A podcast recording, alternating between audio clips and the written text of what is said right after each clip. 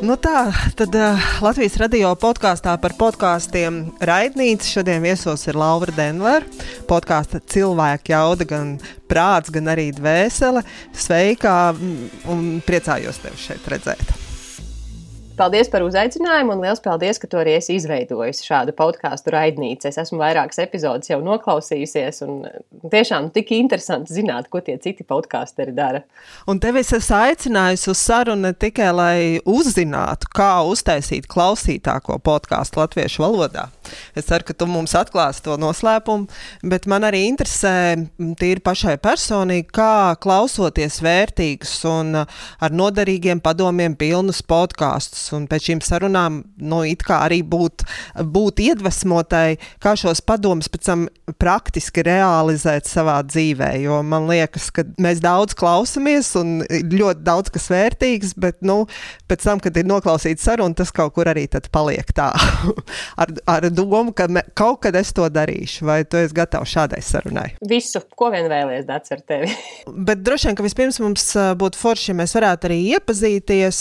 Tātad Laura Un uh, Lauras vīrs Mišels ir uh, ugunsskolas dibinātāji, un, un arī tas ir jūsu tāds kopīgais rūpju bērns, kurā jūs cilvēkiem mācat daudzas dažādas praktiskas iemaņas, kas palīdz dzīvot labāk, vai tā?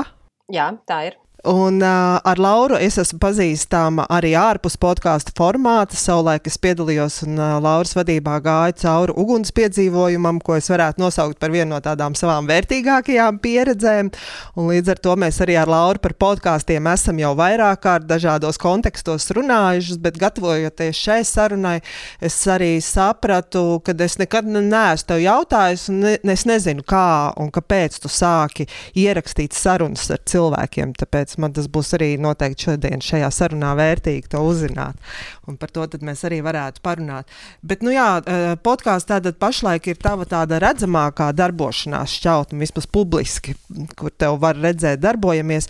Bet droši vien, ka tev ir vēl daudz kas interesants, kas tavā dzīvē notiek. Varbūt pastāst, kas ir tas, kas šobrīd ir aktuāls tavā dzīvē šobrīd jautāt man, uh, ar ko es esmu aizrāvusies, ar ko es nodarbojos, ir bīstami, jo es, ka kaut ko daru, ja man kāds projekts ir aktuāls, es esmu pilnīgi tā kā ķerta, absolūts frīks, kurš par to var runāt bez apstājas. Tā kā mums ir risks, ka es varētu sabojāt visu tavu epizodi. Un man tagad ir jāmēģina pieturēties pie trīs teikumiem, kas man nesanāks, bet nu labi. Uh, mēs šobrīd uh, laižam gaisā uzrāvienu piedzīvojumu, kas ir par to, kā cilvēkiem, kas nogura no tās trakās eh, sezonas, garās, tumšās, kas bija saistībā gan ar covid, ar visiem ierobežojumiem, un ir paņēmis it īpaši no sievietēm ārkārtīgi daudz resursu, kad uh, ir eh, ļoti liela psiholoģiskā, mentālā slodze, emocionālā slodze. Nu, fiziski tīri arī nogurums, jo vienkārši stresa līmenis ļoti liels ir bijis. Kā lai tajā vasarā neieietu kā tādām nu, čaumaliņām, kuras pēc tam tur mēģina sevi atkačāt pamazām, bet kā atjaunot tos resursus vēl pirms vasara sākās, lai tā vasara ir tāda nu, kārtīga savu uh, iekšējo rezervju uzpildīšana, lai gan vasarā rodas jaunas idejas. Jo, nu, ja mums nav iekšējo resursu, mums nav jauna ideja. Nu, viņas ļoti grūti var atnākt. Es neesmu redzējis vēl līdz šim nevienu cilvēku, kurš būtu sēdējis savā darba vietā vai pie saviem kaut kādiem projektiem. Pārguris, pārstrādājies, un tad pēkšņi paziņot, man ir lieliska ideja. Pārsvarā tā nenotiek. Pārsvarā šādā kondīcijā ir tikai es neko negribu, liekiet, viss man mierā, un vispār es nezinu, vairs, kā es gribu dzīvot tālāk. Un tad, atjaunojot šos resursus, tad, tad, kad jau rudenī cilvēki iet atpakaļ pie saviem darbiem, tad ir idejām pilna galva, jo tāpēc, ka atpūšoties tās idejas nāk. Un otra lieta ir, ka ir arī spēki un kaut kāda saprāšana, ka man to ir reāli dabūt gatavu, to, ko tas cilvēks tur teiksim, ir izdomājis. Lai, tā, lai tas nav tajos labo ideju kapiņos, ja ideja bija un neviens viņu nerealizēja. Nu, tas īsumā par to, ar ko šobrīd esmu aizrausies. Mm, tagad domāju no tām visām podkāstu sarunām, kas man ir ierakstīts, arī pirmo reizi es runāju ar podkāstu veidotāju, kas nedzīvo Latvijā, bet veido podkāstu latviešu valodā. Droši vien tavu citīgākie klausītāji zina, kur tu dzīvo, bet varbūt pastāst, cik tālu tu esi no Latvijas. 2000 km apmēram no Rīgas laikam sanāktu. Es dzīvoju uh, blakus Cīrihei, Šveicē, jo 2007. gadā es atbraucu šurp studēt um, finanses. Strādāt pie disertācijas par riska kapitālu, nu, tā pamazām, pamazām, un tad beigās es tā arī šeit paliku. Disertācijas man joprojām nav, tāpēc, kad ar laiku es konstatēju, ka tā ir tēma, kurai, kura patiesībā mani vairs neinteresē nemaz tik ļoti. Paldies manam korporatīvo finanšu profesoram, pie kuras gāju konsultēties, viņš teica, tad tev tiešām, nu, tev tiešām interesē tā, tā, tā, tā doktora būšana, nu, tu tiešām būsi pasniedzējis vai nu, kaut ko tajā jomā darījis. Un es viņam saku, nu, nē, nu, nē, man taču cits intereses ir. Un tas profesors teica, nu, Laura, tas ir neprāts vienkārši to, vienkārši to darīt. Tu gribi, nu, tu vari izdarīt, bet. Uh, nu, īsti, īsti nav. Nu, tad, kad mainījās mana dzīves apstākļi, jo veselības dēļ man vajadzēja noraut stopkrānu visām finansēm, tad eh, es vienalga kā, kādu laiku citīgi turējos pie idejas, eh, ka es tās finanses, to, to doktora eh, darbu kādreiz uzrakstīšu, bet nu, jau es esmu atbrīvojusies no ļoti daudz tām doktora studiju grāmatām, kas man būtu bijušas vajadzīgas, vēl divas visdārgākās. Viņas man tur tajā plauktā stāv, jo vienkārši man grūti izmest tādu naudu ārā, bet tas ir smieklīgi, ja, jo šobrīd jau viņām ir vajadzīga jau apdeitotā versija. Nu, redz, tas eh, laikam arī pierāda to, ka podkāsts ir tāds eh, ļoti pateicīgs formāts. Es esmu Pāvilos, tā tu esi Šveicē, bet uh, podkāsti top skan un tai vietai nav nemaz tāda liela nozīme. Jā, tieši tā. Uh, es pati aizrāvos ar podkāstiem. Nu tā, pirmo reizi es par viņiem uzzināju, es atceros, tas bija Good Life Project, uh, Jonathan Fields uh, podkāsts. Es nezināju vispār, kas ir podkāsts, man nebija ne mazākās nojauts. Vienkārši viena dāma, kurai es kā autoram sekoju, viņa ieteica, tā ir tāda interesanta padarīšana. Es apskatījos, un tas vēl bija video formātā, tas bija YouTube formātā. Un tad uh, es centos kā, klausīties viņu tad, nu, tajos citos formātos, un uh, man nesanāca.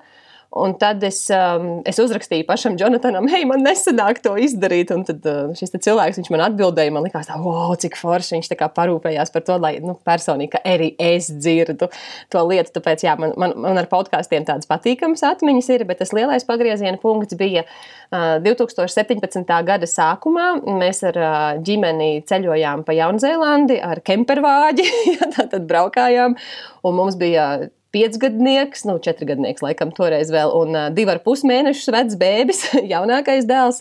Un mums ļoti liela attāluma bija jāpārbrauc, un viņus varēja pārbraukt, kad bērns mazais gulēja. Tad, jo viņš ilgāk gulēja, jo tālāk mēs varējām tikt. Un tad, lai mums vēl tā pārbraukšana ar vīru būtu interesanti, mēs klausījāmies tiešām daudz podkāstu klausījāmies.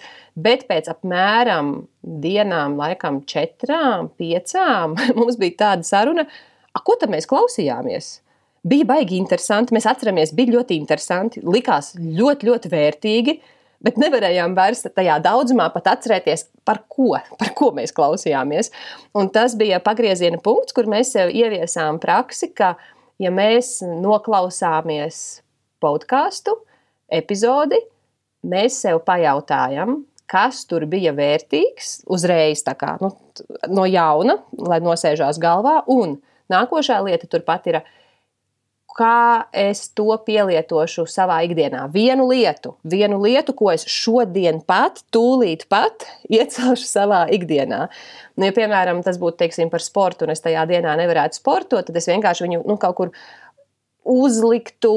Uh, Tik, nu, kā lai saka, mm, ka nevar no viņas atkratīties. Ka tad, kad es drīkstēšu vai varēšu sportot, tad es tiešām viņu uzreiz ieviesīšu. Un tas bija lielais pagrieziena punkts. Tāpēc uh, tagad, kad es atceros, ko es esmu klausījusies, tieši tāpēc, ka mana dzīves kvalitāte ir mainījusies, jo es tās lietas ieviesu dzīvē. Un tas ir arī kā mēs cenšamies veidot cilvēku jaudu, tāpēc viņi ir orientēta uz praktiskiem risinājumiem. Ar mērķi, lai cilvēki vismaz kaut ko pārceļ uz savu ikdienas dzīvi, jo tad tā kvalitāte mainās. Pretējā gadījumā cilvēks ir Viņš ir izklaidējies, viņam ir bijusi ilūzija, ka nu tik kaut kas būs citādāk, bet nekas citādāk nav. Katram ir tiesības izklaidēties, kā viņš grib. Ja kāds klausās podkāstus, lai izklaidētos lieliski, man prieks par jums. Nu, man tā laika ir pamaz, un man negribās, lai tā ir man tikai izklaide. Man gribās, lai tā ir izklaide ar lielāku man pievienoto vērtību, tāda, kas uzlabo manas dzīves kvalitāti. Bet tātad 2017. gadā jūs braucāt ceļojumā, klausījāties daudz podkāstu, atgriezāties mājās, un tad radās doma, ka vajag ierakstīt arī jums sarunas. Jo, jo es atceros tās pirmās sarunas, kas laikam tagad ir tikai pieejamas YouTube, sarunas no iedvesmas uz rīcību, kur tu intervēji ļoti iedvesmojošus cilvēkus par viņu dažādām ļoti vērtīgām pieredzēm. Tas bija tas pirmais mēģinājums. Pateicoties manam darbam, tiem treniņiem, ko mēs vadām, mēs satiekam tik daudz interesantu cilvēku. Un man ir iespēja ar viņiem veidot tādas ļoti dziļas, drosmīgas sarunas. Un tie ir tik iedvesmojoši cilvēki, gan ar savu dzīves pieredzi, kā viņi ir gājuši cauri, gan ar savām zināšanām, savu izglītību. Un, teiksim, tie paši mediķi pie mums nonāk, tie paši kolosāla līmeņa pedagogi, uzņēmēji, nu, ļoti, ļoti dažādi cilvēki. Un tad, kad man ir tās sarunas, tad man liekas, Bet tas taču ir tik interesanti.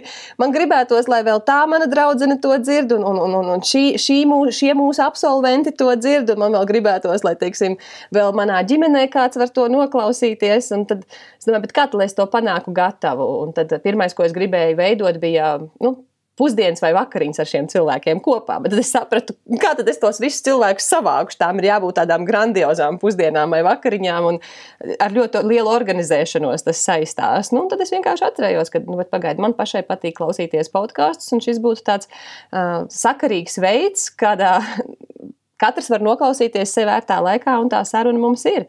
Un, uh, pirmā saruna bija ar Intu Lākuti, uh, Intera mūsu absolvente. Uh, Un mēs ar viņu iepazināmies brīdī, kad viņa atnāca uz apmācībām, kā uz pēdējo iespēju, kā viņa pati man teica, pēdējais salmiņš, lai viņa neizdarītu pašnāvību. Tāpēc, ka viņa bija zaudējusi trīs bērniņus dzemdībās, un neviens no trījiem neizdzīvoja. Uh, Un tad, protams, tā pirmā reakcija bija, pagaidi, pagaidi, paga. es ļoti ceru, ka tu nenāc šeit kā uz pēdējo salmiņu, jo, ja, jo viņ, viņai attieksme bija tāda, ja man šis nepalīdzēs, man nekas nepalīdzēs. Nē, ja tev šis nepalīdzēs, tev vēl ļoti daudz kas palīdzēs. Tā kā, ja pie mums tev nebūs labi, lūdzu, ej un meklē kaut kur vēl citur visu iespējamo palīdzību, jo kaut kas tev noteikti palīdzēs. Bet, nu, sakrita tā, ka tas bija pagrieziena punkts punkts pie mums. Un, un tad uh, Intas dzīvē es varu par šo brīvi runāt, jo mums vienkārši ar Intu ir bijusi intervija. Tāpēc nav tā, ka es tagad stāstu kaut kādu uh, noslēpumu. Tā ir brīvi pieejama informācija. Un tad, um, diemžēl, arī ceturtajā reizē Intas pieredze nebija veiksmīga, un man bija iespēja pieredzēt, kā viņa no situācijas, kur es atceros, mēs dežūrējām. Mums bija, mūsu absolventiem bija sadalīts laiks, kad kurš dežūrē pie Intas slimnīcā, lai viss ar viņu būtu labi. Un kad viena no dāmām vienkārši prasa, ko man darīt, es nažus atradu, nu, parastus nažus, ja? vai, man viņus, vai man viņus mest ārā vai slēpt. Tad mums bija tāda dilema. Ļaut Intai ēst, sagriežot ēdienu ar nazi, vai tomēr slēpt tos nažus.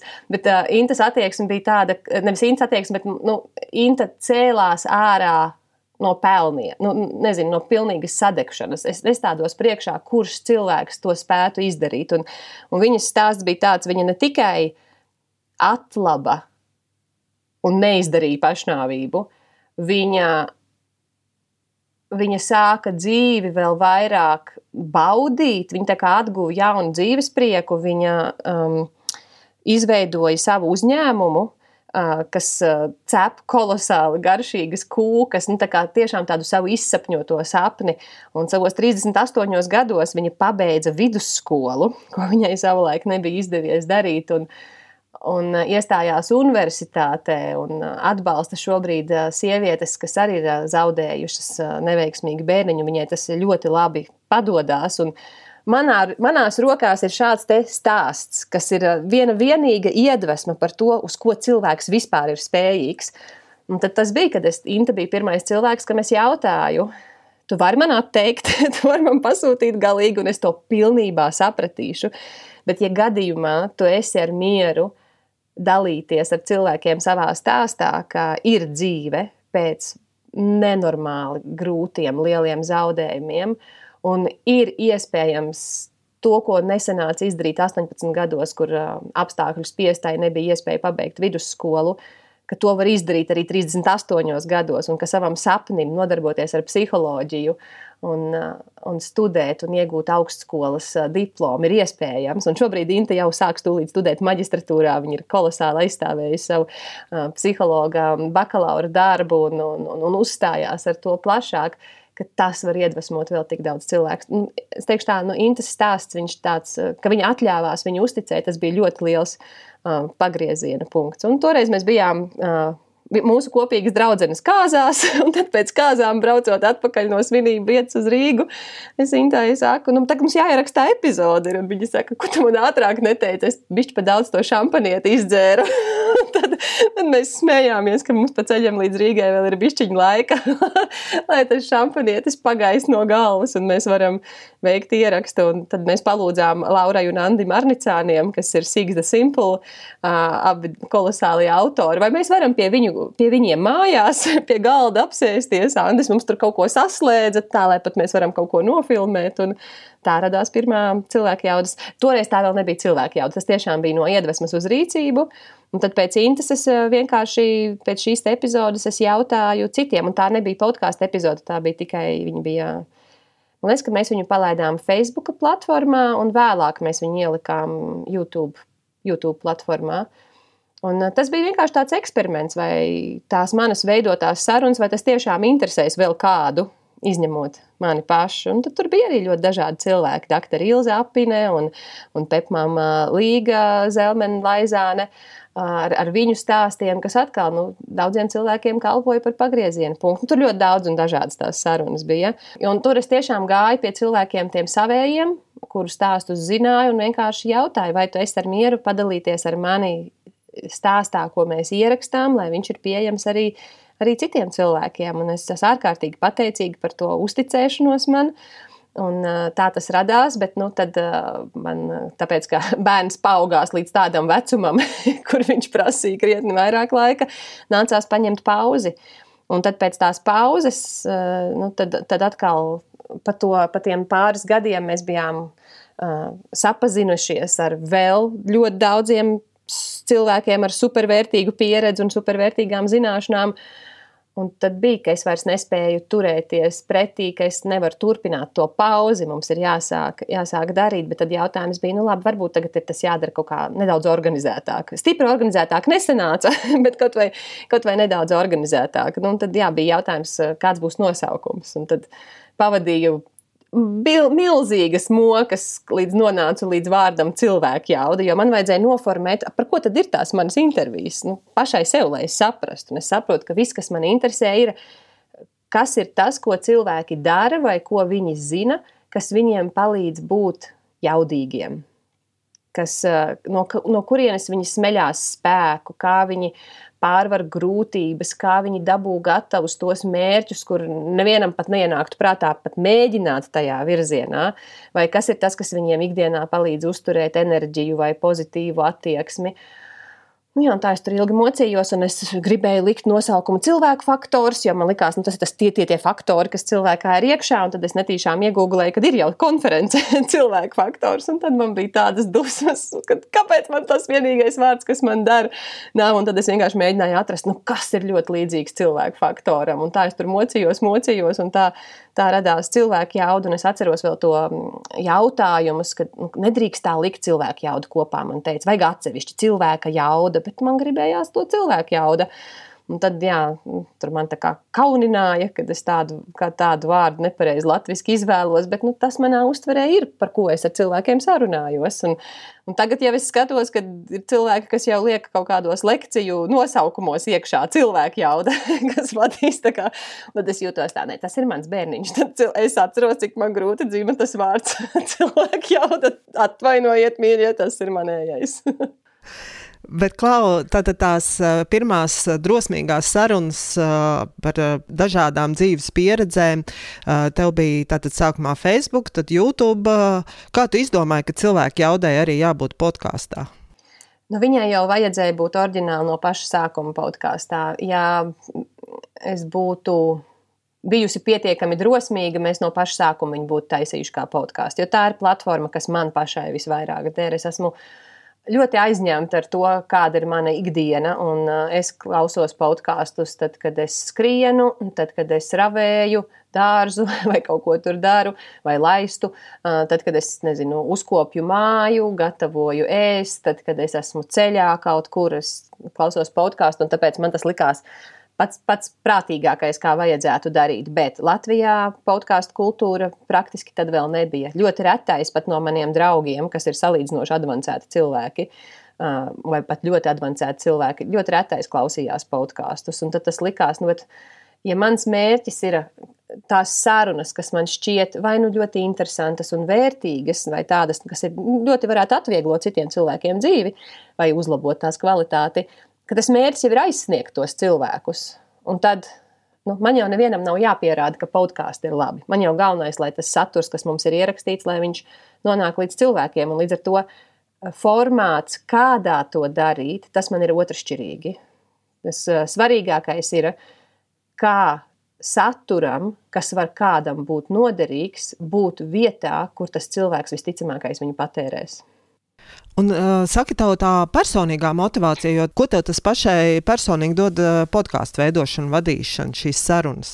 Kāpēc tev tas ir vajadzīgs? Tu jautā, ko man dod mans darbs podkāstam vai ko dod podkāsts manam darbam? Sākam ar to, ko podkāsts dod tev pašai. Ko man viņš pašai dod? Man ir ļoti interesanti ar tiem cilvēkiem runāt. Jo, ja sākotnēji mēs sākām ar to, ka es eh, šīs intervijas veidoju tikai ar cilvēkiem, kas ir mūsu absolventi, tāpēc ka vienkārši nu, viņi mani zina, viņi saprot, ko no manis sagaidīt, viņi uzticās tam, ko es saku. Ja es apsolu, ka nekas, ko mēs šajā sarunā ierakstīsim, tāds, kas tev pēc tam nepatiktu, nederētu, tai sarunā nepaliks, es to izņemšu ārā. Uh, un viņi zina, ka uz to var paļauties, un viņi zina, ka mans mērķis nav izvilkt sensāciju, jo mani neinteresē sensācijas.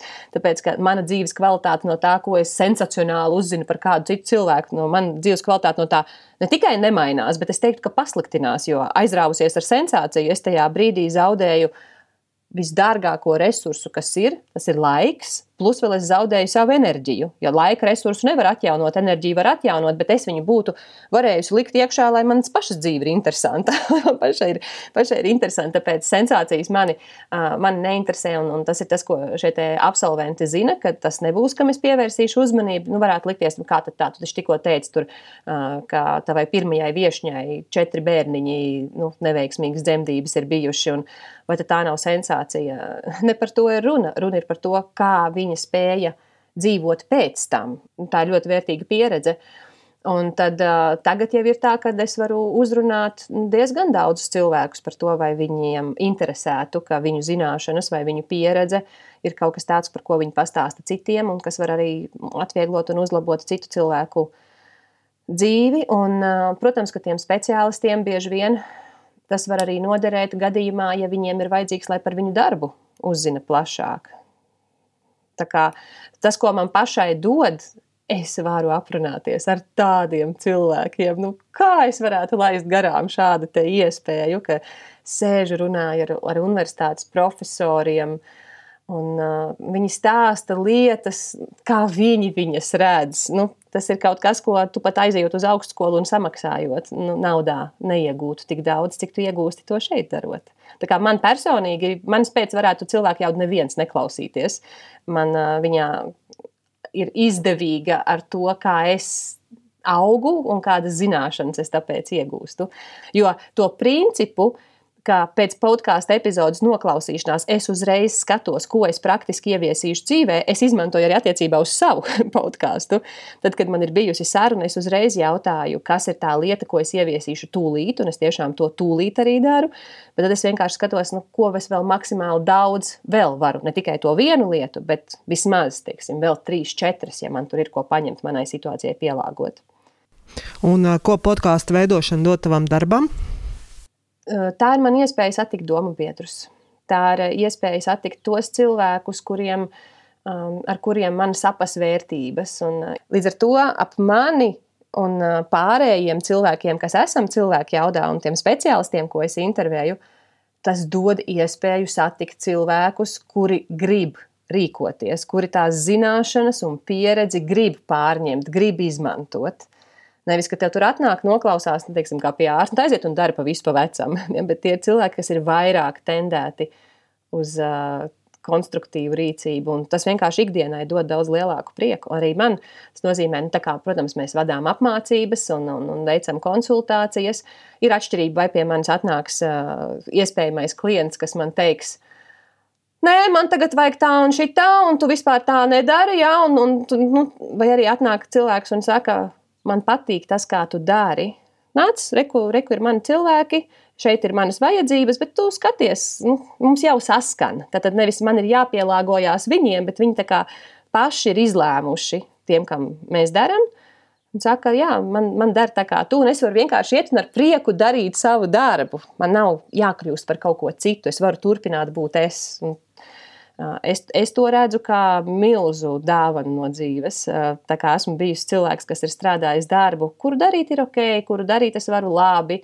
Cilvēki ir labi, bet nu, nu nav, nav tādas aizrautības, nav tādas sajūsmas. Tad šobrīd ar cilvēku jaudas palīdzību es sastopu cilvēkus, kuriem arī ir prieks par tām pašām lietām, par ko man ir prieks. Mm. Un pavisam nesen to ar saviem sekotājiem, klausītājiem padalījies ar savu podkāstu statistiku. Un to, nu, teiksim tā, tu esi tajā pirmajā Latvijā klausītāko podkāstu pieciniekā, noteikti, trīniekā laikam arī. kā, kā tu redzi, kas ir tas, kas ļauj tavam podkāstam būt starp klausītākajiem podkāstiem Latvijā? Un, kad cilvēki to klausās, atrod, meklē un atrod, un gan YouTube, gan arī podkāstu platformās klausās. Ja tu man jautā tīri par podkāstu, tad iemesls, kas ļauj mums atrasties tik augstu, ir gluži vienkārši tas, ka pārāk maz cilvēku vēl klausās podkāstu. Vispār podkāstus kā tādus.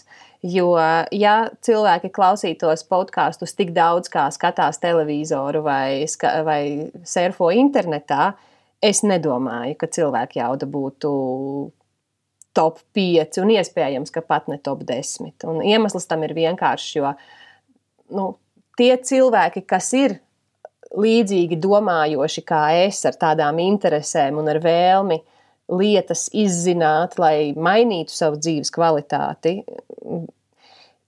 viņu nav tik daudz, jo cilvēkiem ir dažādas aktualitātes. Kādam tas gluži vienkārši nav vajadzīgs. Un, uh, Un tādas lietas kā sensācijas vai teiksim, intervijas ar ļoti lielām slavenībām, nu, par kuriem mēs vienmēr esam sajūsminājušies, un tev ir iespēja uzzināt ko vairāk par šīs slavenības dzīvi. Nu, man šķiet, ka tas ir daudz aktuālāk krietnai daļai cilvēku. Nu, nevelti tur dzeltenā presa tiek joprojām labi pirkta, neskatoties uz to, ka tāds cilvēks kā es nepērk dzelteno presi. Uh, Tāpēc, jā, ja tu prasi, kāpēc mēs esam pirmajā vietā, tāpēc, ka pārāk maz cilvēku klausās podkāstus. tāpēc mēs esam, nu, ne pirmajā vietā, es gribēju teikt, augš, augšpusē. Jo, ja, ja klausītos vairāk, nu, tas tā nebūtu. Un uh, otra lieta ir atkal, ja, un tie, kas klausās, tad, tad man gana daudz cilvēku raksta, ka viņi vispār izzināja, noskaidroja, kas tas tāds podkāsts ir tikai dēļ cilvēku jaudas. Un kad kāds viņiem ir parādījis, tu vari ne tikai YouTube skatīties, tu vari klausīties, un tev nav jāsēž pie ekrāna. Tu vari iet un darīt savas lietas. Un, teiksim, mammas ar bērniem, kas iet staigāt vai vēl kaut ko, nu, viņai nav variantu, ka viņi varētu kaut ko tur palasīt vai netraucētu sēdēt pie ekrāna, jo tas bērns arī brēktu, ka viņiem vajag. Bet ausīs ielikt austiņas viņi var un darīt. Un cilvēki, kas eh, pavada gana daudz laika ceļā, ir tādi, kas arī saka, ar ģimeni sākuši klausīties. Nu, tieši sieva un vīrs partneri abi divi kopā. Ja arī gribās saturīgas sarunas ar saviem eh, vecākiem, tad, bet tā doktora cilvēki jaudā, nu, te ir tieši tas, kas manai mammai ir jādzird. Un tā arī mammas ir uzsēdinātas labā nozīmē uz podkāsta. Un uh, tas uh, fakts, ka mēs esam tajā top 5, norāda, ka man to domu biedru ir daudz to cilvēku un, un to domu biedru, kas ir mani domu biedri, kas ir citi cilvēki, jaudas klausītāji vai skatītāji, viņiem tā tad arī ir daudz līdzīgi domājošo. Un paradoks ir tajā, ka cilvēki bieži vien, kas pie mums nāk uz, uz apmācībām, un tad viņi saka, nu, bet es jau esmu tāda viena jocīgā. Un tad viņi atnāk uz apmācībām, viņi saka, oh, nē, izrādās, es neesmu jocīga, jo mūsu te ir daudz, un tas ir īstenībā normāli. Tā, kā, tā ir iespēja sastapt līdzīgi domājošos. Mm. Uh, nu tad uh, droši vien jā, jā, jāturpina mūsu saruna tagad arī tā dabiski par saturu un par to, nu, kā tad um, klausīties pašizaugsmes podkāstus. Un um, tu jau pieminēji šo te uh, podkāstu kur tev ergoterapeits Rudolfs Šeiko stāstīja par metodi 4x4. Tātad šī metode ir par to, kā intensīva slodze, īsa intensīva slodze mijās ar īsiem atpūtas brīžiem. Es vēl atceros, es to sarunu uh, klausījos kāds garāks pastaigas laikā. Protams, tas viss ir ļoti iedvesmojoši. Liekas, jā, šis ir tas, kas man ir vajadzīgs. Protams, sarunu es esmu noklausījusies, iedvesmojusies, bet nereiz to neesmu darījis, jo tas liekas ļoti grūti. Man liekas, ka uh, nu, un, uh, šādu sarunu ne tikai tavā podkāstā, bet, protams, arī citur ir daudz. Nu, kā klausoties un tiešām esot iedvesmotai vai ieinteresētai tajā, nepazaudēt nu, šo arī šo rīkošanās momentu pēc tam.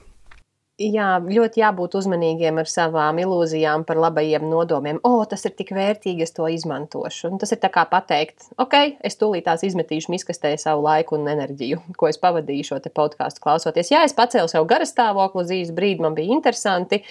Bet pēc tam tas viss aizies vienkārši nebūtībā. Un uh, tas, ko tu minēji, šī metode 4x4, tā ir grūta metode.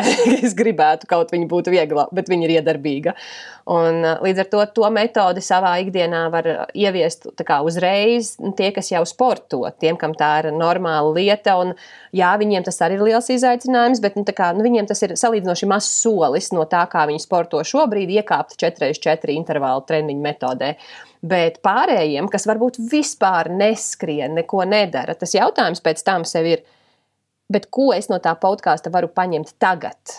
Un tā kā, ja mēs uzstādām vienkārši likumu, ka, ja es klausos podkāstus, kas ir izglītojošie podkāsti, tad, lai man no viņiem būtu jēga, nevis vienkārši piebāzts ar informāciju, kuras tikai apgrūtina, kas tikai beigās sanāk apgrūtina manas smadzenes, jo iztērē manus resursus, bet ka tas tiešām kaut ko maina, ka tas ir mans jaunais likums. Es tikai tad varu klausīties nākošo epizodi kaut kam. Vienalga, kuram citam podkāstam. Ja es izdarīšu slēdzienu pēc šī podkāsta, vai tur ir kas tāds, ko es varu pārņemt tūlīt, un vispirms censties to sameklēt. Un es varu arī konstatēt, nē, tiešām nav. Un es varu izdarīt secinājumu, nu, vairāk par šo tēmu es teiksim, neklausīšos, ja varbūt vēl divus tikai paklausīšos. Bet, lai tā nav tāda vienkārši nu, rīrīšanas pēc, nu, zin, tā kā čipšu paka vaļā, nu, tad, tad tik viena pēc otra to čips, ja jau tur sen vairs negribās, nav nekāda jēga. Parasti jau tādu izglītojošu podkāstu klausīšanās liekas jau tas tāds vērtīgs laiks, nu, ka es esmu izdarījis kaut ko vērtīgu sevi, es esmu noklausījies labu, interesantu sarunu ar uh, labiem ieteikumiem, un tas jau pats par sevi liekas vērtīgs. Un tad tā dar, darbošanās, nu, viņi tur paliek kaut kur otrajā plānā. Nu, kā, nu, ir jau izdarīts, un tā, nu, tas pats no sevis nāks, bet tad, klausoties tev, ir skaidrs, ka nu, pats no sevis nekas nenotiek. Tur ir jābūt arī tai apņēmīgai rīcībai, ne tikai tādai iecerēt to darīt. Man šķiet, ka tas būtiskais ir saprast, ka Viena lieta ir noklausīties, un tu esi izklaidējies, bet bieži vien cilvēki, kas sāk klausīties podkāstu, viņi diezgan daudz tos podkāstus patērē. Un ir jāsaprot, ka tas tavai sistēmai, tavam ķermenim, tavām smadzenēm, taviem resursiem maksā. Vai tā maksa ir bijusi to vērta? Jā, tā tev bija izklaide. Nu, man, piemēram, ir vieglāk izravēt dobas. Ja, ja man ravēt, nu, es nevaru izturēt ravēt, bet Uh, mans vīrs vēl vairāk nevar izturēt rāvēt, un, ja viņam ieliek, es viņam pasaku, tur bija viens tāds interesants podkāstu epizode, viņš viņu noklausās, un viņš saka, ir vēl ko ravēt. ja es gribu vēl, es gribu vēl turpināt klausīties. Nu, tādā kombinācijā tas varbūt arī uh, ir ok, bet pārējā, pārējā gadījumā tas, tas maksā tavus resursus, un tad, ja jau reiz tu par kaut ko esi samaksājis ar saviem resursiem, ar savu enerģiju, ar savu laiku, kas nav pieejami tāpēc citām lietām, ko tu gribi darīt, tad, uh, lai tas atmaksājās, Nu, kā, bet atkal, nu, nekad, drīkst taču svaidīties ar savu naudu, drīkst svaidīties arī ar saviem resursiem. Nu, atkarīgs no cilvēka, nu, kas, viņam, kas viņam dzīvē ir aktuāls. Vēl viena lieta, ko es pats saskārusies, klausoties, un, jo, protams, jo vairāk ir pieejams sarunas ne tikai podkāstā, vienalga dažādās platformās, un ar vērtīgiem speciālistiem, ar vērtīgiem ieteikumiem, ka bieži vien šie ieteikumi kardināli atšķirās. Viens stāsta par to, ka pēc sešiem ēst nu nekādā gadījumā nedrīkst, otrs stāsta, ka pēc sešiem ēst arī var, bet tur kaut kādi nosacījumi, vai nu, ir jādara tā, vai tieši to, ko viens saka, ka ir jādara jādara, otrs saka, noteikti nav jādara. Kā tu pati nu, šajos dažādajās patiesībās, ko mēs varam tagad klausīties un visriņķī dzirdēt, kā tu pati šķiro un neapmaldies, kas ir tas, kas ir derīgs un kas nē?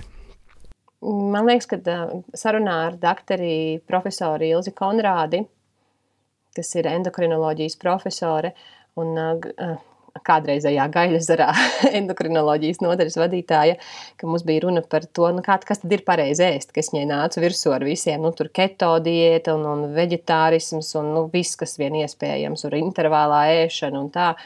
Un viņa trīs epizodēs pēc kārtas, īpaši pēdējā nesenākajā, viņa teica, nu nav viena varianta. Nu, mēs varam noklausīties, cik mēs gribam tur tāda profesora, tāda ārsta, tāda speciālista, tāda nezinu, grūtībās izdzīvojoša cilvēka atklāsmes, bet tas, un runa par tieši par ēšanu, bet tas nenozīmē, ka tas tev der. Un tad tas, ko es skatos, ir, kā es atlasu, ko es izvēlēšos izmantot, ir pirmais, kāds ir tas pamats, kāpēc viņš vispār man stāsta tādas lietas, lai es vispār saprastu, ka es varu nu, viņam ticēt ka viņš man tur kaut kādas galīgas muļķības nestāstīja, kur, kur, kur dabūju internetā izlasīju. Tagad tev pastāstīju. Jā, internetā var izlasīt visu ko, bet ja tu kaut kur izlasīji, ir atšķirība, vai tu izlasīji kaut kādā tur rakstā, vai tas ir tomēr tu aizgāji un pārbaudīji zinātniskos, zinātniskās publikācijās, ka tas ir un pietiekami labi izrubies viņām cauri. Tad pirmais ir, kas ir tas cilvēks, kas to stāsta, otrais, apriekš kam man to vajag, nu kāds tad ir tas mans mērķis, ko, ko, kāpēc es to gribētu pielietot. Un, un trešais ir, kāda ir manas dzīves situācija, vai man tas iederās manā dzīvē, ka es to varu pielietot. Jo katrai lietai ir iespējami dažādi, nu, dažādas adaptācijas. Jo man liekas, arī to ieteikumu daudzumā vienkārši var pazust. un it īpaši, ja nav tāda, tāda uh, sajūta pašam par sevi, sajūta, kas man der, kas man nedara, kas man patīk, kas man nepatīk, tad uh, bieži vien tā ir. Tur noklausies vienu, tas, oh, tas izklausās labi, noklausies otru, oh, šis arī dara, un tad tā, tā pazaudēšanās vēl lielāka ir. Tā problēma ir, ko cilvēki nesaprot, ka mēs, mūsu iekšējais, tas bioloģiskais dzīvnieks, kur tas operētāja sistēma, mūsu smadzenes, kur uzdevums ir turēt mūsu dzīvus un palielināt mūsu iespējas, kā mēs turpinām būt dzīvi, ka informācija ir kaut kas tāds, ko mēs vienkārši labprāt rijam ar domu, ka tas palielina mūsu iespējas ne tikai izdzīvot, nu, ka mēs paliekam dzīvi, bet tas uzlabo mūsu iespējas tikt pie resursiem. Tur uh, labāka partnera, vairāk naudas, statusa, slavas un tam līdzīgi. Un tāpēc mēs to informāciju ļoti daudz esam tendēti rīt, nu, tāpat kā mums ir grūti turēties pretī tur, kam nu cukuram, kam nu sal, sāļajiem našķiem vai traknajiem našķiem. Jo tad, ķer, jo tu saproti, ka man jau nevajag, bet tas ķermenis ir tas, kurš tur iet virsū un vienkārši ēdu, ēdu, ēdu, un tā varētu aiziesties nezinu cik tālu. Tieši tāpat tās ir arī ar informāciju. Un tad bieži vien cilvēkiem ir tā sajūta, ka es uh, tikšu tālāk, jo es vairāk zināšu. Īstenībā tas, ko nu, cik es esmu pamanījusi, rāda prakse. Tālāk tiek tie cilvēki, kuri to, ko viņi nu, kaut kādu daļu zina, kā viņi viņu ievieš dzīvē. Ka viņi ir tie, kas ir tie rīcības cilvēki. Var zināt tikai vienu piekto daļu no tā, ko zina teiksim, otrs cilvēks, bet var tikt daudz tālāk. Un vienīgā atšķirība ir, es to ieviešu dzīvē. Nu, tas cilvēks ievieš to dzīvē. Tāpēc tā dzīšanās pēc labākas informācijas nenozīmē, ka tu dabūsi labāku dzīvi. Bet tieši da, mācīt, izmantot to informāciju, kas ir, un saprātīgos daudzumos viņu palielināt. Tas arī, man liekas, būtu diezgan liels neprāts sēdēt visu laiku pie tās informācijas, kas ir. Jā. Līdz ar to mēs varētu vēl ļoti daudz muļķības darīt, kā piemēram mans vīrtēvs regulāri atgādina, kā viņi bērnībā spēlējās ar dzīvesudraba bumbiņām. Nu, kad termometrs saplīs, tad bija vajag, vajag forši tur spēlēties. Ja? Nu, ir ļoti labi, ka tev ir ienākusi jauna informācija, ka tas, tas ir nu, ļoti kaitīgi tavam ķermenim tādas lietas darīt. Tāpēc kaut kāds daudzums jauns ir jāņem noteikti pretī, bet ir ļoti jāizstrādā tie informācijas um, filtrēšanas mehānismi. Un jo tu vari, tu vari būt tikai, nu, tā informācija var būt tikai tik kvalitatīva, cik kvalitatīvs ir tavs uh, uh, informācijas avots. Un, nu, protams, var jau arī sanākt tā, kā ir tas teiciens, pat stāvošs pulkstenis divreiz dienā rāda pareizu laiku. Ja? Tur var būt kaut kāds, nu, spe, nu nevis pat speciālists, vienalga, var paņemt jebkuru cilvēku no ielas un tajā visā vervelējumā, ko viņš pateiks, nu tur būs kaut kāda pērle. Bet nu, tad nedod Dievs, tu tajā pārējā sāks klausīties un sāks to, to ņemt vērā. Bet vēlreiz, pārmaiņas dzīvē ir tad, kad mēs to, ko esam vērtīgu pamanījuši, ieviešam dzīvē. Un, ja mēs turpināsim grābt vēl man vērtīgo, vēl man vērtīgo, vēl gribu vairāk un vēl vairāk klausīšos, tur nav iespējas tam, ko sauc par implementation angliski. Tu nevari pārvērst to par rīcību, tu nevari pārvērst to par realitāti. Tad tā ir tikai un vienīgi sevis mānīšana, ka kaut kas mainās, es izglītojos. Ne. Izglītošanās ir tad, kad tu dari. Pārējais ir vienkārši izklaidēšanās. Es izklaidējos, es informējos, bet informējos nenozīmē, es, es zinu. Es zinu tad, kad es daru. Un tas, ko es zinu, kas droši strādā, vismaz manā gadījumā, tie tiešām ir nevis tādi, varbūt pat tādas padomu sarunas, bet uh, tie, kas ir tādi pieredzes stāsti, uh, iedvesmojuši, kur ir par kaut kaut kādu konkrētu procesu, kur kāds stāsta, kā viņam gāja, negāja, kā tika galā vai, vai netika, bet tomēr līdz galam izdarīja. Un es zinu, ka ir bijušas tādas vairākas iedvesmojušas sarunas, ko es esmu noklausījusies, un uh, tas man ir licis vai nu kaut kādā veidā mainīt kaut kādu rīcību, vai arī kaut kādu darbu sākt darīt. Es zinu, piemēram, vienu sarunu noklausījos un ķēros klāt kaut vai šim pašam podkāstam par podkāstiem raidīts, bet tas, protams, bija par citu tēmu, bet vienkārši tā saruna, tas cilvēks bija ar to savu pieredzi tik iedvesmojoši vienkārši un prata kā, izstāstīt, ko dara. Un tas, man liekas, ir, ka tu kā, redzi, iepazīsti šo cilvēku, un tas kaut kā tā, tā cilvēka iedvesma iedvesmo arī tevi.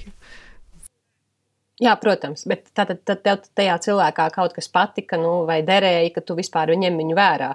Man tas uh, uzjautrina parasti tādā pozitīvā nozīmē, uzjautrina. Tad, kad mums bija cilvēka jaudas epizode ar uh, aktrisi un runas mākslas pasniedzēju Zani Daudziņu, Un sāruna bija primāri domāta tam, kā tad brīvāk runāt, ja kā kļūt par labāku runātāju. Un tik daudz cilvēku man raksta, kā viņi tagad iet augstā dušā, jo viņi no zanas daudziņas iemācījās, kā iet pareizi augstā dušā, ka nevajag uzreiz gāzt augsto ūdeni sev uz galvas, bet vajag pamazām tur no potītēm un tad uz augšu un uz augšu. Nu, ļoti labi, kolosāli. Viņi to nespēja paņemt no Vima Hofa, viņi to nespēja paņemt no visiem biohakariem un vēl kaut ko. Viņi to paņem no Zanes daudziņas. Nu, nu, brīnišķīgi. Bet, uh, lai viņi to spētu paņemt no Zanes daudziņas, uh, Zana daudziņa viņiem kaut ko nozīmē. Jo, ja to pašu metodi viņiem pastāstītu, nezinu, nu, feģi no ielas, nu, viņi teikt, nu, forši feģi, ka tev darbojās. Man, tas, ne, nu, man tas pat neinteresē. Bet, kad zina daudziņu pastāstīt, tas ir forši. Forši, jā, forši. Starp citu, man vēl kaut kas ienāca prātā. Mums ir bijis, kad raksta cilvēki un saka, tā, tu uzaicināji šādu cilvēku. Man likās, nu, nē, tikai ne šo cilvēku. Ja? Bet tu viņu uzaicināji uz cilvēku jaudu. Un es zinu tavas prasības nu, pret uh, kvalitāti, kādām ir jābūt. Nu, tas vien, ka tu viņu uzaicināji, tas nozīmē, ka man ir vērts klausīties. Nu, protams, liels paldies par šo komplimentu man vai cilvēku jaudai. Bet tajā pašā laikā te mums ir jābūt uzmanīgiem. Tas, ka mēs kādu dzirdam podkāstā vai redzam televīzijā un redzam kopā ar otru, tur varbūt populāru cilvēku vai vēl. Lai arī mums liekas, nu viņš jau nepīsies ar nekvalitatīviem cilvēkiem vai nedos man kaut kādas surrogāta zināšanas, kas vispār nu, nekam nav derīgas, jā, vai ir pat bīstamas. Nu, ir jāpatur prātā. Tas tā kā lūdzu, mīļie, kad klausties cilvēku jautājumu Lūdzu, turpiniet filtrēt, jo es jau to cilvēku varu intervēt ne, nevis tāpēc, ka nu, tur ir viss tā superzinātniski pārbaudīts, bet man vienkārši ir interesanti ar viņu aprunāties. Un tas filtrs ir jātur virsū jebkurā gadījumā. Nu, tas, tas risks pastāv. Un arī tad, kad mēs klausāmies šo te, nu jā, reku tur cilvēkam gāja grūti, viņš mums ļoti simpatizē. Nu, un tieši tā simpātija pret viņu ir tā, kas padara mūsu uzņēmīgākus pret to citu informāciju, ko vēl tas cilvēks saka. Un, ja tā ir noderīga, vērtīga, es priecājos, bet ja viņa var kaut ko dzīvē pabojāt, nu ir jābūt ļoti uzmanīgiem.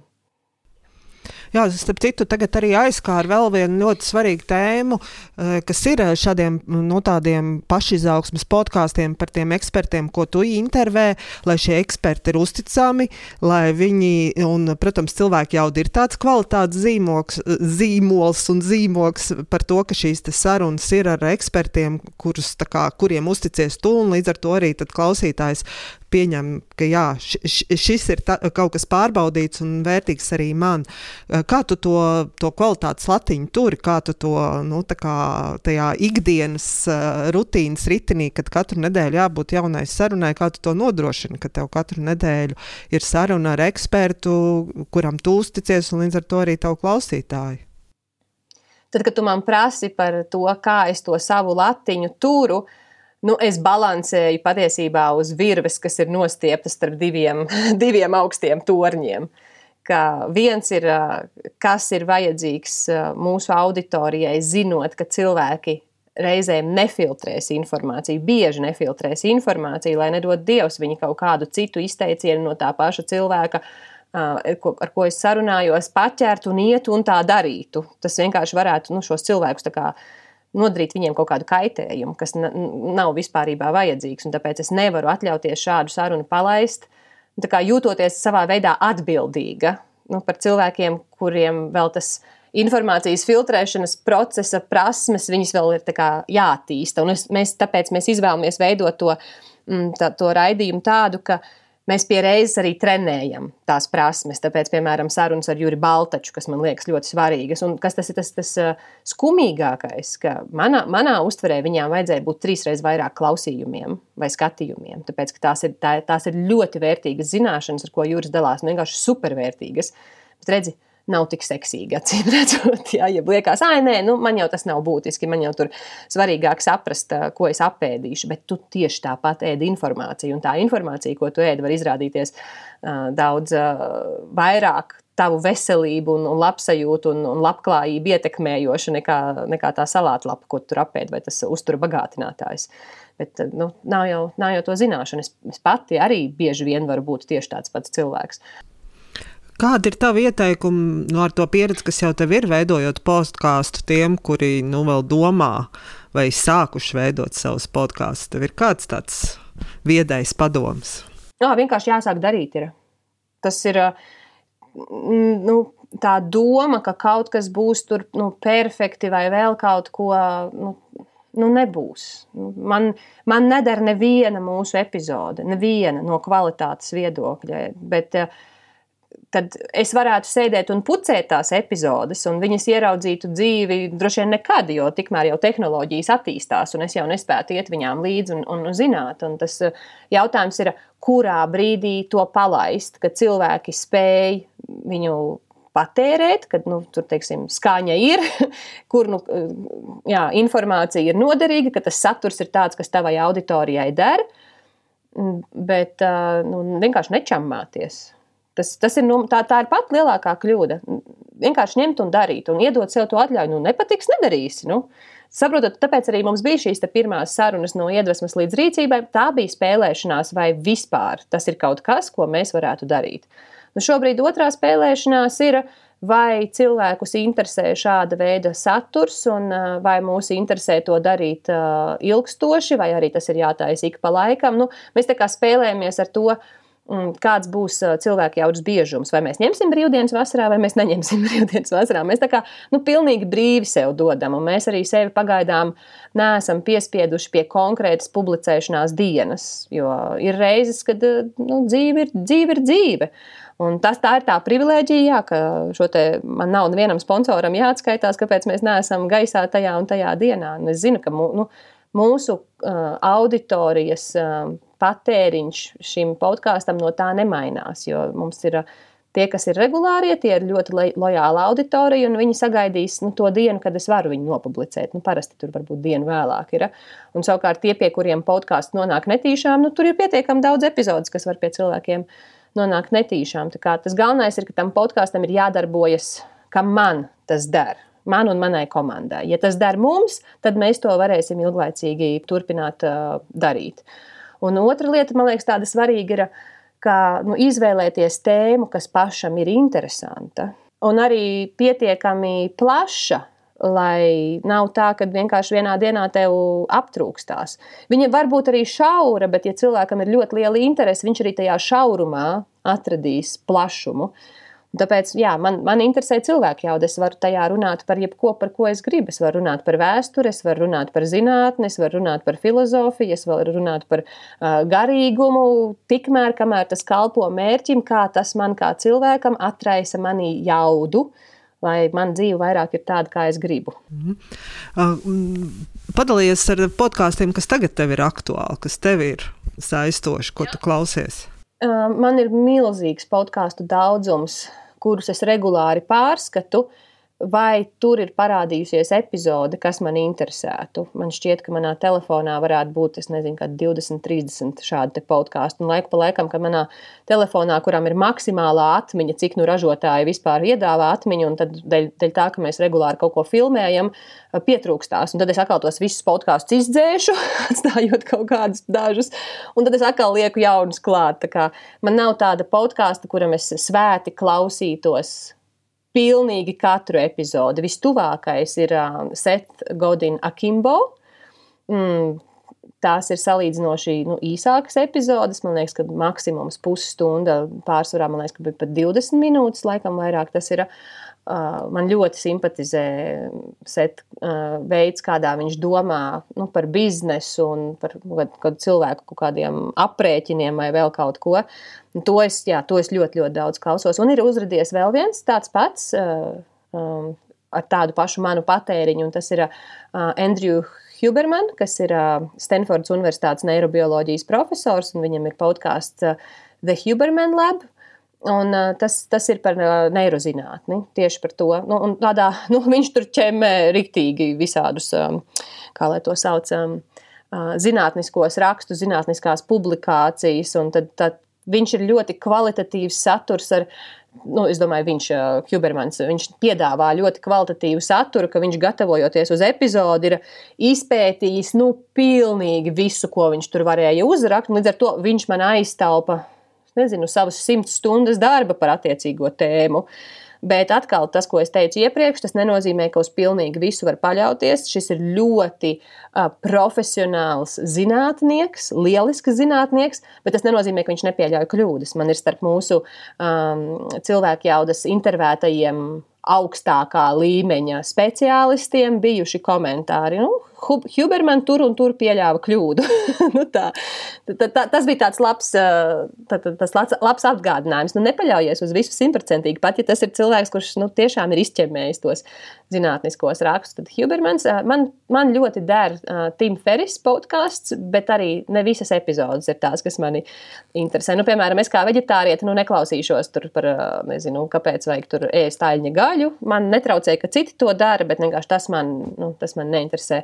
Bet man savukārt tās epizodes, kas man interesē, piemēram, viņam bija kolosāla intervija ar Madlēnu Olbraitu, kas man ļoti patīk. Viņam ļoti daudz lieliskas intervijas ar fantastiskiem cilvēkiem, kur tās intervijas nemaz citur varbūt tā neredzēsi. Un man laikam viņš ir vispiemērotākais intervētājs, tas, kā viņš uzdod jautājumus. Jā, nu tā, tie, tie trīs būtu tie, ko es uh, visvairāk klausos no visa. Un, uh, vai tev tavi podkāstu klausīšanas paradumi ir mainījušies kopš tev ir cilvēka jauda? Vai... Nē, nē, tas neietekmē. Tas, tas, tas vispār neietekmē. Nē, nē. Jo, ja piemēram, Seth Godin, tas ir. Um, mm, biznesa, vairāk biznesa domāšanas podkāsts, un Huberman Lab tas ir uh, neirozinātne, un tad uh, Tim Ferris tas ir uh, nu, vienkārši stratēģijas, kas palīdz. Uh, Un, tā, un, tad, un tad vēl man tur ik pa laikam uzrādās kaut kāda interese tur vai vēsturē, vai filozofijā, vai vēl kaut kā, bet nu, viņi nav tik uh, būtiski, lai es viņus šeit pieminētu, jo tur es tiešām tikai atlasu konkrētas epizodes. Nē, man drīzāk ir tā, ka tā, tas, ko es klausos, tas ietekmē to, kā es strādāju podkāstā. Nu, piemēram, Tim Ferris bija intervija ar Kalu Fasmanu, uh, kurš ir uh, kādreizējais Esquire žurnāla žurnālists kurš ir uh, intervējis uh, Muhamedu Ali un uh, Gorbačovu, nu, tādā salīdzinoši mazā bet intervijā, bet tomēr nu, tādus, tādus slavenus cilvēkus. Un tad vienreiz klausoties Kalu Fasmanu podkāstu pirms diviem gadiem, es uzzināju, ka viņš būs Eiropā un viņš vadīs, uh, vadīs uh, apmācības par to, nu, kā uzdot jautājumus, kā stāstīt stāstus. Nu, protams, es izdarīju visu iespējamo, lai mēs tajā brīdī būtu tajās apmācībās. Un tad Eh, tas, ko es pie Kala iemācījos, bija, nu, kā labāk veidot jautājumus, lai viņi, kā viņš teica, trāpi sirdī, nevis pa galvu. Paldies, Laura, par šo sarunu. Mm, jau pašā sākumā teicu, ka no katras sarunas ir kaut kas sev, priekš sevis jāpaņem, kaut kā jānoformulē. Man liekas, ka es eh, paņemšu no tevis to par to, ka galvenais ir darīt, nevis taisīt to per perfekto epizodu un perfekto sarunu, kur tā arī nekad netiek publicēta. Līdz ar to darīt, iet, runāt ar cilvēkiem, tas droši vien ir tas viens no iedrošinājumiem, ko šodien no tevis paņemšu. Protams, daudz vērtīgas cilvēku jaudas epizodes novēlu arī tev. Un es ļoti gaidu to tavu arī vēl nākošo podkāstu. Es tiešām da, es izmantošu, un es ceru, ka tu to neizgriezīsi ārā, lai man ir iespēja tevi paņemt pie rīkles kārtīgi šeit. Un šajā brīdī es gaidu no tevis šo te pētnieciskās žurnālistikas vai, vai tādu nu, padziļinātu stāstu, stāstīšanas podkāstu. Man liekas, ka nu, reti kurš cilvēks to var tā izdarīt. Tā kā tu ļoti, ļoti gaidi to. Es zinu, ka tas būs, tas būs podkāsts, ko es klausīšos latviešu. Es raidnīcu, saku, tas viens no retajiem, retajiem, ko es šeit nu, paklausos, bet to es klausīšos noteikti. Man, man to vajag. Taisnība man podkāstu, lai man ir ko klausīties latviešu. Jā, paldies tev! Ātrāk! paldies! Atā.